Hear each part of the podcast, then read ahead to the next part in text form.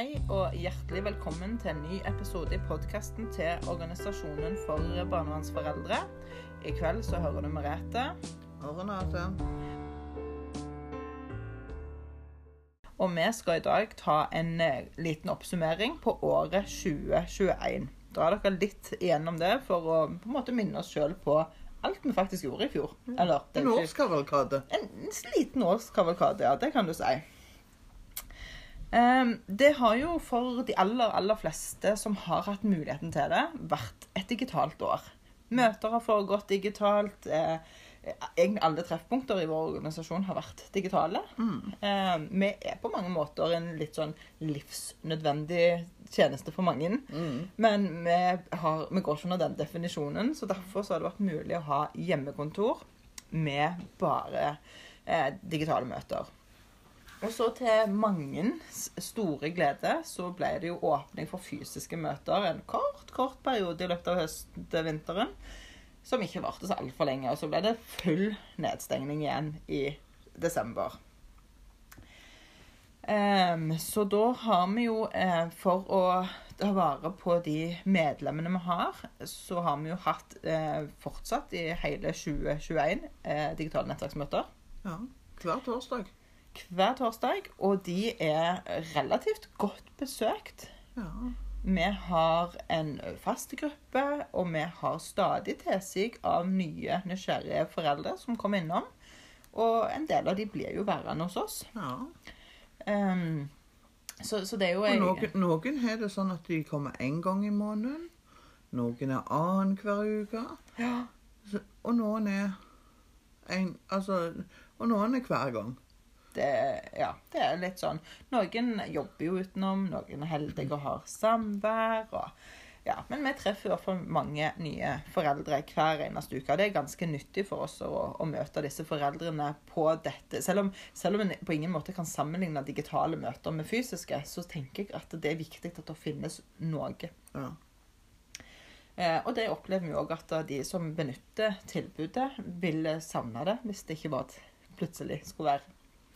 Så til og med eh, lille julaften og lille nyttårsaften avholder vi disse møtene for å ivareta foreldre i den vanskelige tida som jul er for mange. Ja.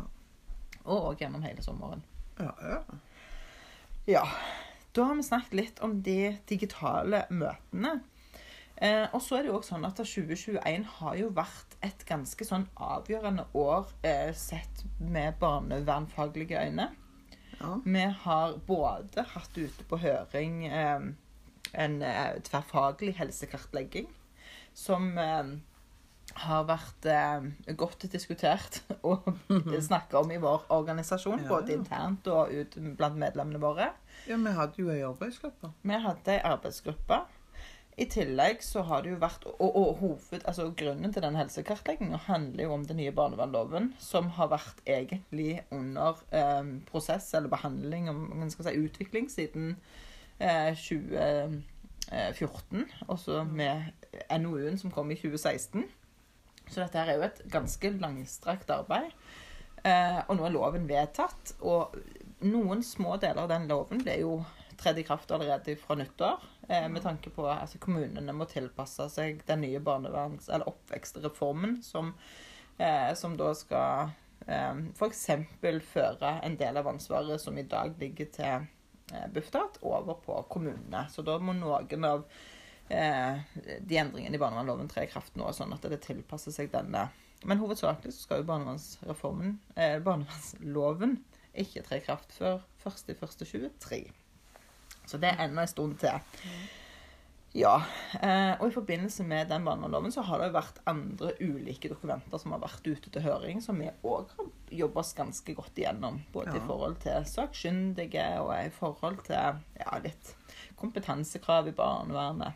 Som vi òg har jobba med. Ikke bare i 2021, men, men Ja. my, my, my- mye av dette arbeidet har jo vært foranledningen da til eh, høringen på barnevernloven som var i vår. Og så lagde vi eh, et opprop i vår. Vi lagde òg et opprop, en slags ganske omfattende og stor protest mot den nye barnevernloven, som vi er nokså uenige med fagfeltet, eh, eller ikke fagfeltet engang, eh, egentlig politikerne, om at dette er en bra lov. Politikerne syns jo den er en veldig bra lov. Og egentlig så er det sånn at hele fagfeltet, av ulike årsaker selvfølgelig, syns at denne loven er for svak. Eh, det er veldig få ting egentlig. Jeg blir av og til spurt liksom, om noen ja, er det ingenting med den loven som er positivt. Og du skal lete godt for å finne det fra vårt ståsted. Ja, og til og med både Landsforeningen og Forandringsfabrikken var begge òg eh, i, i det at de ikke ønska at loven skulle vedtas i sin helhet. Ja. Ja, Det har vært ganske mye misnøye mot denne loven, men eh, noen hadde hastverk med å få denne loven igjennom. Så den, gikk, den høringen gikk på rekordtid. Eh, med den unnskyldningen, eller parentesen, da, at han kan jo endres. Jo, jo, men når vi først gjør så grundig arbeid, kan vi ikke gjøre det skikkelig. Det er noe med det. Men OK. Det er en lov som vi har brukt i hvert fall ganske mye av 2021 på både å grine litt over og krangle litt over og diskutere fram gode løsninger innenfor det trange og vanskelige som allerede ligger på bordet. Og vi har kjefta. Ut i løse lufta. Ja. Litt ut i løse lufta, for eh, tilsynelatende er det veldig få som har hørt vår røst. Men OK, vi må ikke slutte å skrike for det. om Nei, det skal vi ikke.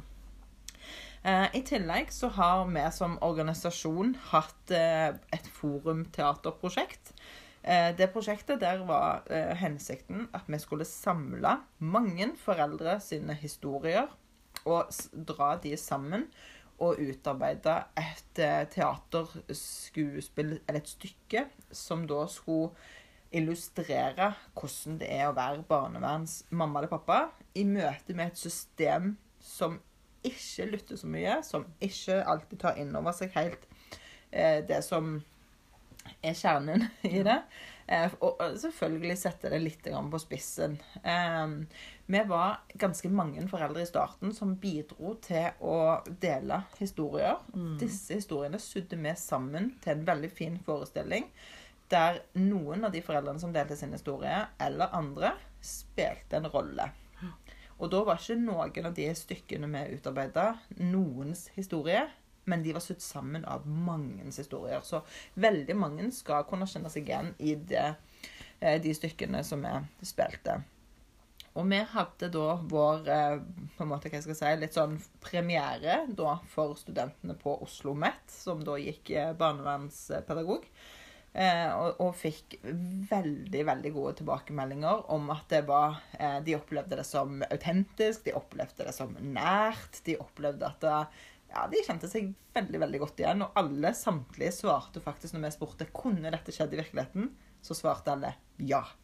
Og det syns vi var kanskje det beste med alt. For det hadde vært veldig veldig vanskelig hvis de hadde sagt sånn Å nei, dette skjer ikke.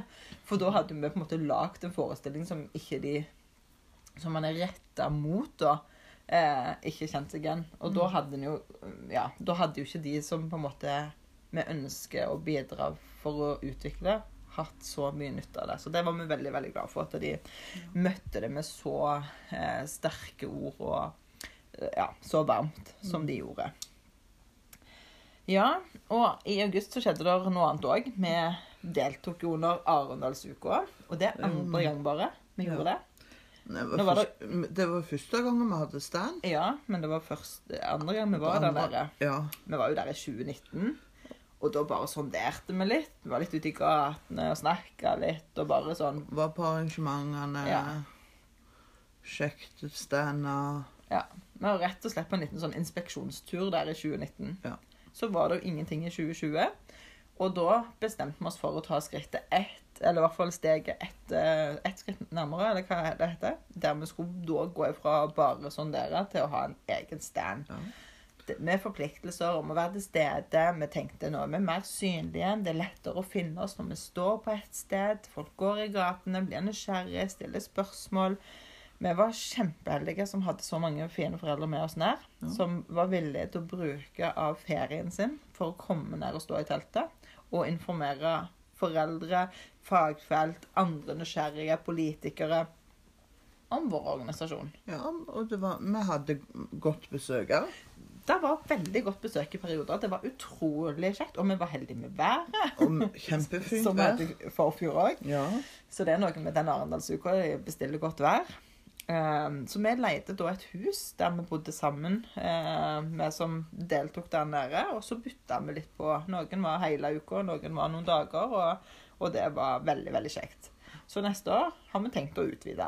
Men det kan vi Ja. komme tilbake til når den tid kommer. Men vi, har, vi sitter igjen med gode, positive opplevelser av å være der nede. Meget. Ja.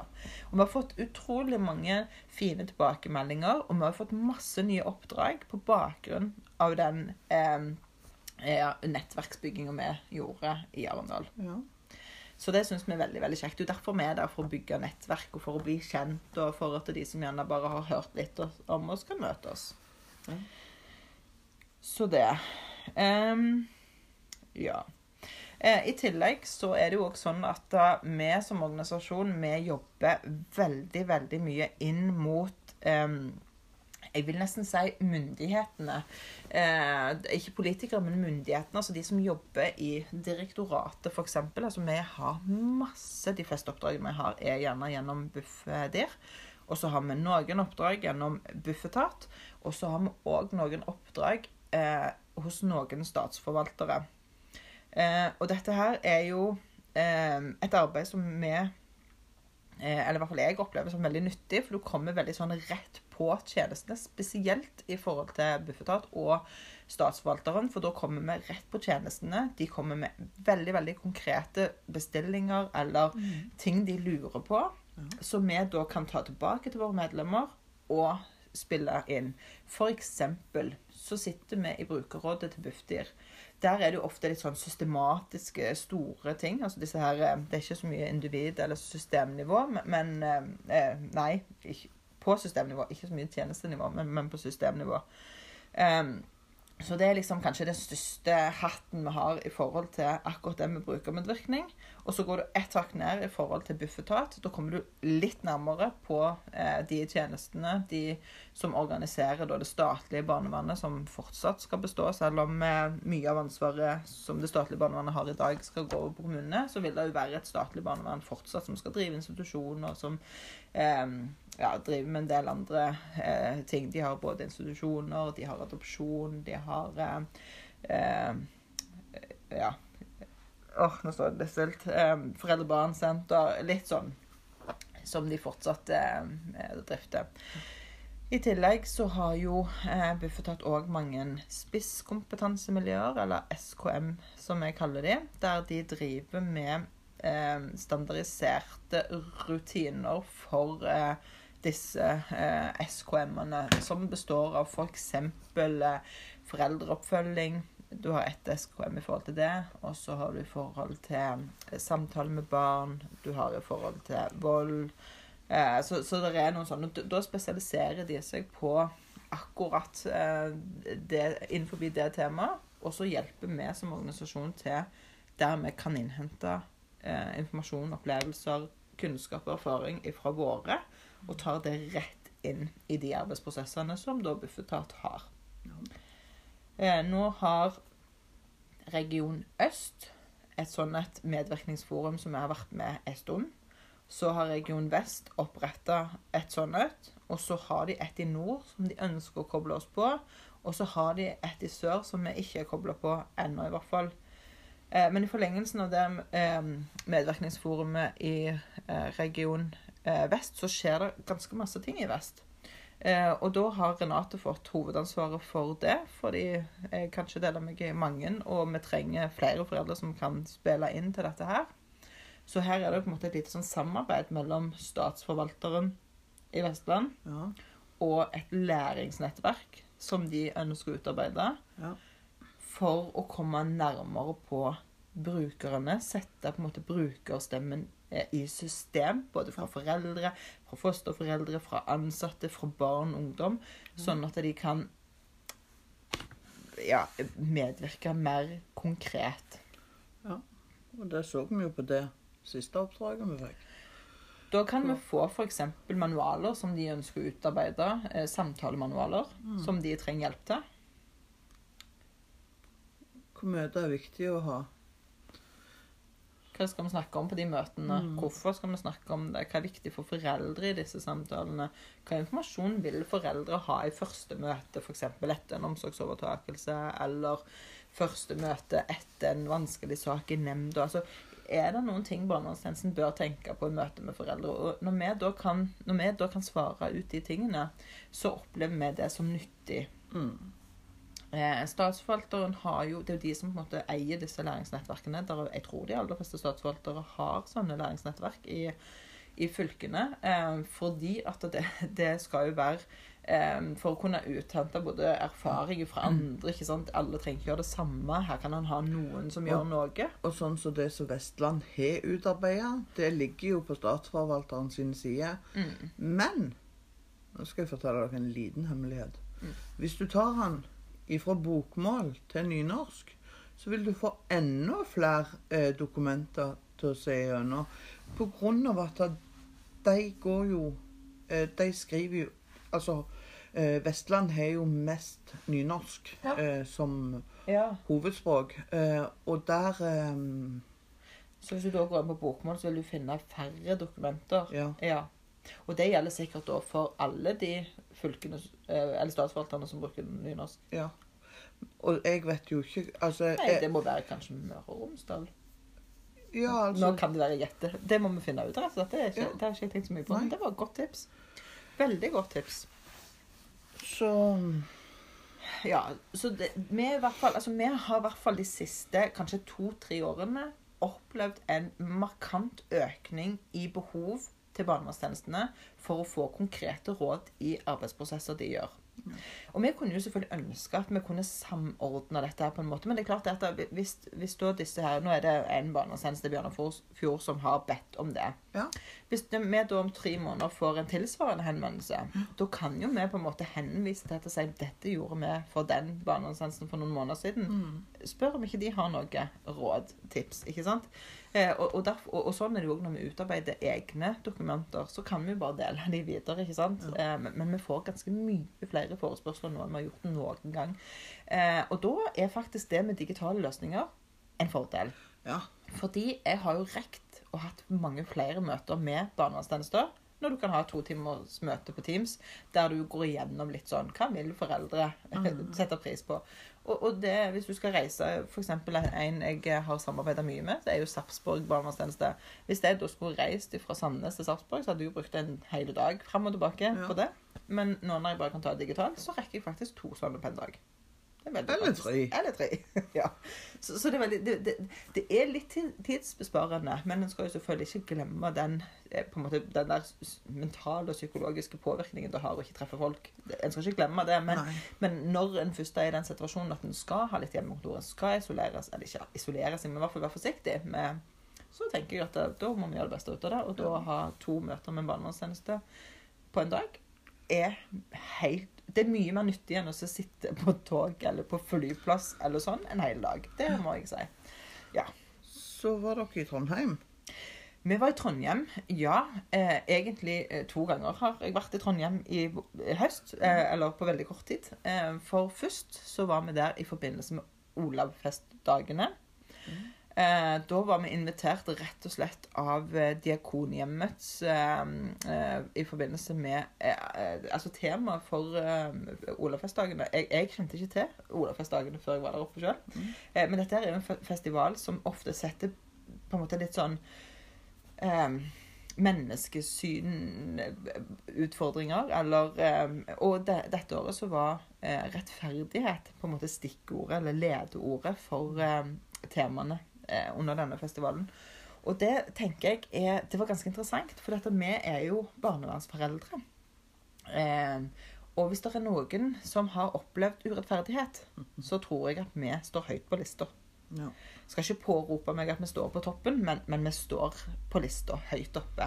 Eh, urettferdighet er, er på en måte Det er et interessant og det er et spennende tema. Og jeg syns det var veldig veldig fint at vi fikk lov å sitte i eh, Vår Frues kirke og snakke om rettferdighet.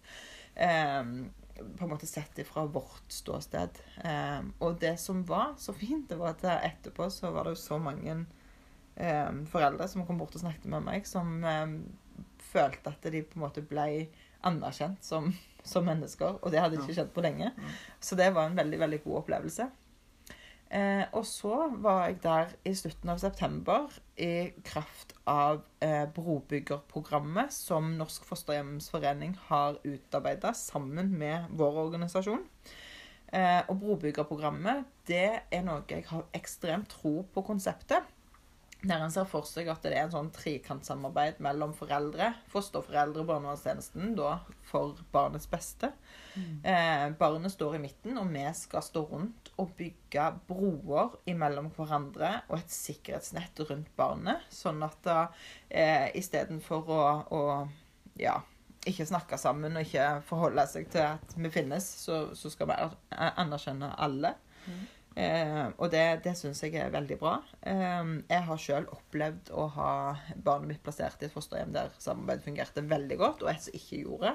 Og da blir det veldig lett å se på en måte hvor mye bedre hun utvikla seg når hun bodde i det fosterhjemmet som tok godt vare på henne, mot det, og òg tok meg eh, godt imot, og de som ikke gjorde det. Hun ble på en måte en mye roligere person, og det, det, det skal liksom ikke undervurderes. Så, så det er veldig, veldig viktig. Um, og i forlengelsen av det så har vi òg i OBF samarbeida mye med Norsk Fosterhjemsforening og utvikla likepersonskurs, eh, som vi òg tenker er kjempe, kjempeviktig. Um, fordi noen av foreldrene hos oss de har kanskje lyst til å være likepersoner. Eh, noen har kanskje lyst til å bli brobyggere, men brobyggere er ikke for alle. Eh, for det å være brobygger, så handler det om at en ønsker eh, av hele styrta å få til et godt samarbeid med fosterfamilien.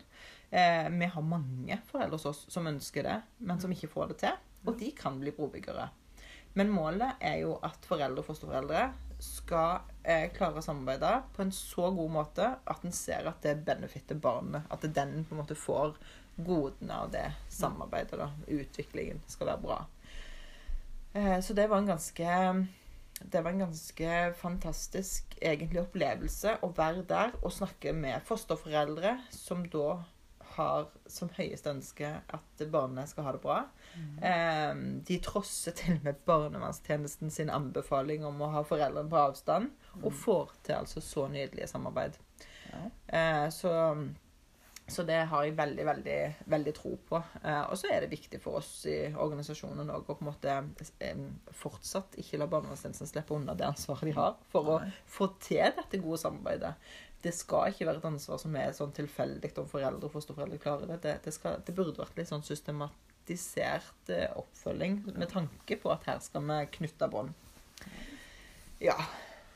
Ja, det er mye enklere når en kan samarbeide og snakke godt med fosterhjemmet kontra ikke gjøre det. Mm, absolutt. Det kan nesten ikke sammenligne hvordan det oppleves for foreldre heller, når, når avstanden er stor. Og det syns jeg kom veldig godt eh, til syne når vi var på denne, eh, dette seminaret. da, eh, var jo hvordan disse foreldrene som hadde fått det til med en gang, hvor mye krefter de hadde spart i uro Ja. som hadde vært spart, enn de som på en måte hadde strevd i mange år og ikke fått det til. og De hadde gått på den ene smellen etter den andre. Dette. De, de var nesten liksom i ferd med å gi opp, og så fortalte de om hva bitte små ting som bare var helt sånn der revolusjonerende i kontakten. Plutselig så forsto de noe, plutselig så kjente de noe. Plutselig så fikk de gjerne en erfaring personlig i livet sjøl som gjorde at de ble åpne for noe. ikke sant? Altså det er Veldig, veldig sånn rørende, gode, varme historier. Eh, og de må vi ta vare på. For det finnes der ute. En skal ikke tenke at alle foreldre er ubrukelige, eller alle fosterforeldre er forkastelige, eller alle barnevernstjenester er helt eh, dritt. Her er det mange gode mennesker på alle disse Ja, ja, ja. kantene. Og så er det bare det å finne de gode, riktige matchene. Hvorfor er foreldrene redde for fosterforeldrene? Hvorfor er fosterforeldrene skeptiske til foreldrene? Hva handler dette her om? Mm. Ja, Så det, det har, jeg, eh, har jeg veldig tro på. Og i forlengelsen av det igjen, det ble mange forlengelser her, så fant vi ut at da, hvis vi skal ha brobyggere, eller vi skal ha speidere og lete etter de gode brobyggerne, vi skal ha speidere der ute for å finne like personer, så trenger vi i organisasjonen ressurspersoner. Ressurspersoner var ikke sånn at når jeg kom på denne ideen, så var det ikke sånn at jeg tenkte at jeg hadde en sånn veldig definert rolle på hva skal den ressurspersonen være. Eh, eh, og, og dette var jo noe jeg kom på i sommer. Eh, og, allerede, og jeg, fortsatt så har jeg ikke funnet noe perfekt navn på ressurspersonen, så eh, ressurspersonen heter hovedressursperson. Yay!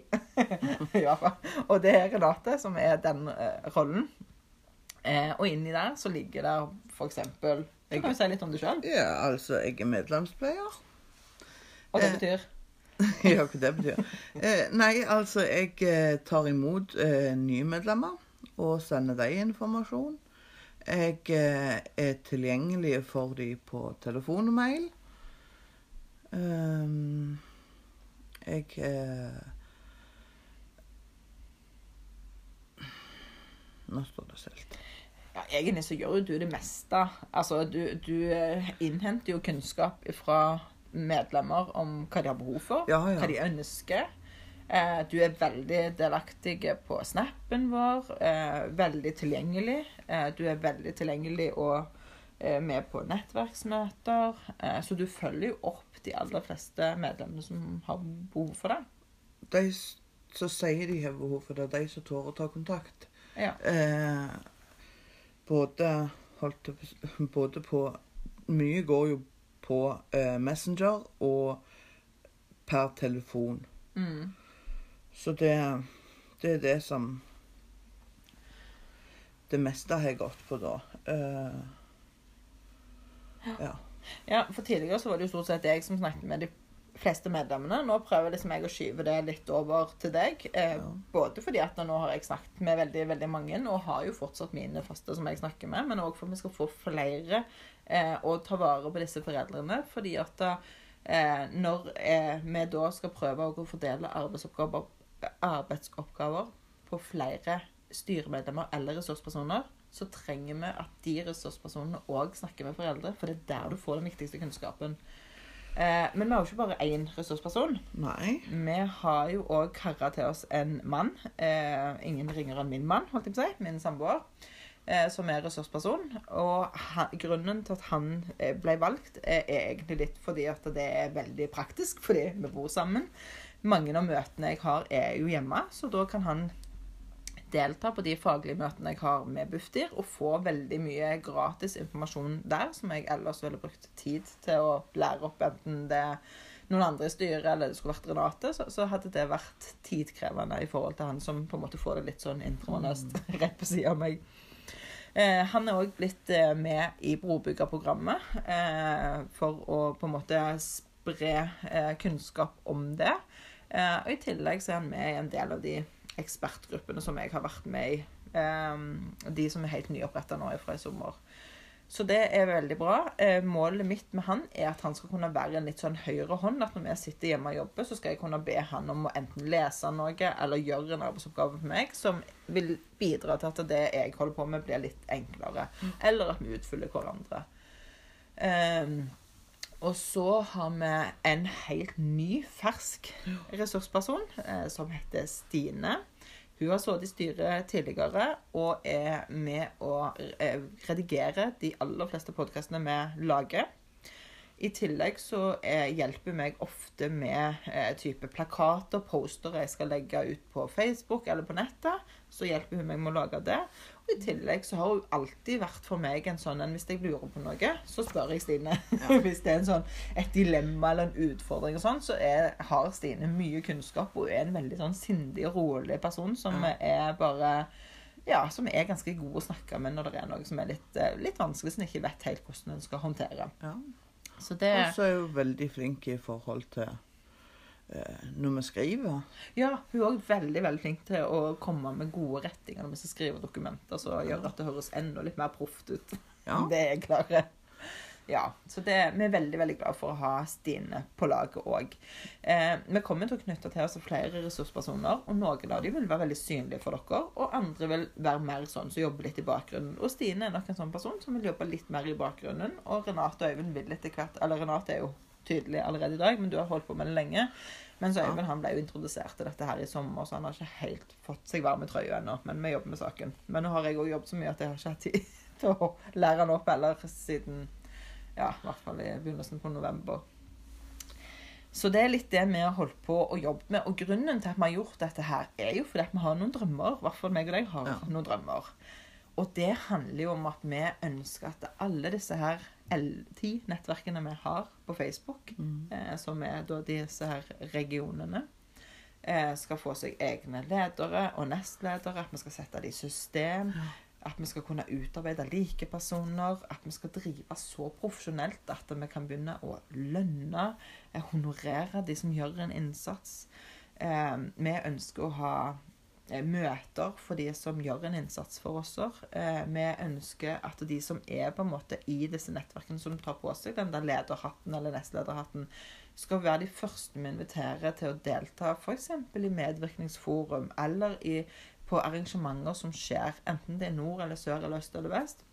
I deres, ja, i deres eh, eh, regioner så skal dere være første prioritet. Og da er det faktisk mulig å ikke tjene seg rik på det, men få i hvert fall en, en slump for det. Og det er, for, for vi som organisasjon er ekstremt opptatt av at vår kunnskap, vår dyrekjøpte kunnskap, ja, den er ikke gratis. Nei. Den har vært gratis i mange år, og nå har vi begynt å si at vi må faktisk ha betalt for det.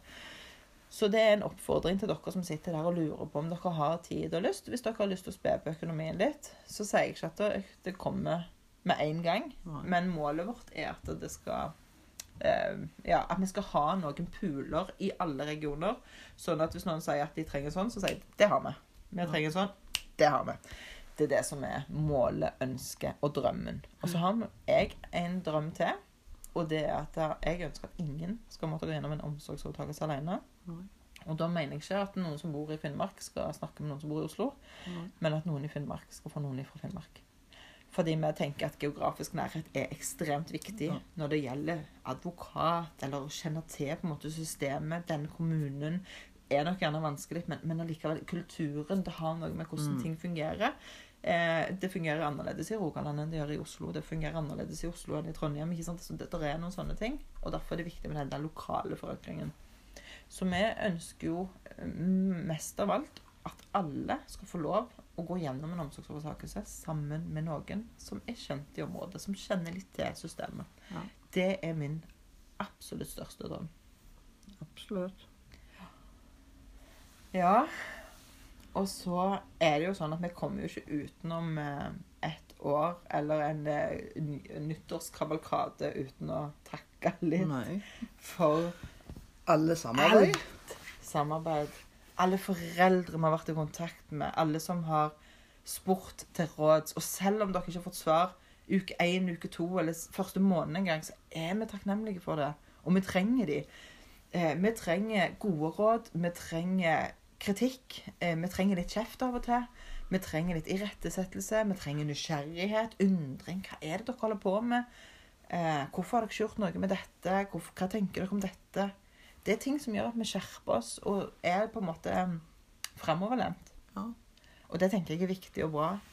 Så tusen takk til alle foreldre som har ringt oss, som deltar på nettverksmøter, som liker ting på Facebook som vi legger ut, eller følger podden vår, snappen vår, eh, alt andre tullet vi holder på med, eller fornuftige, eller ja, ja.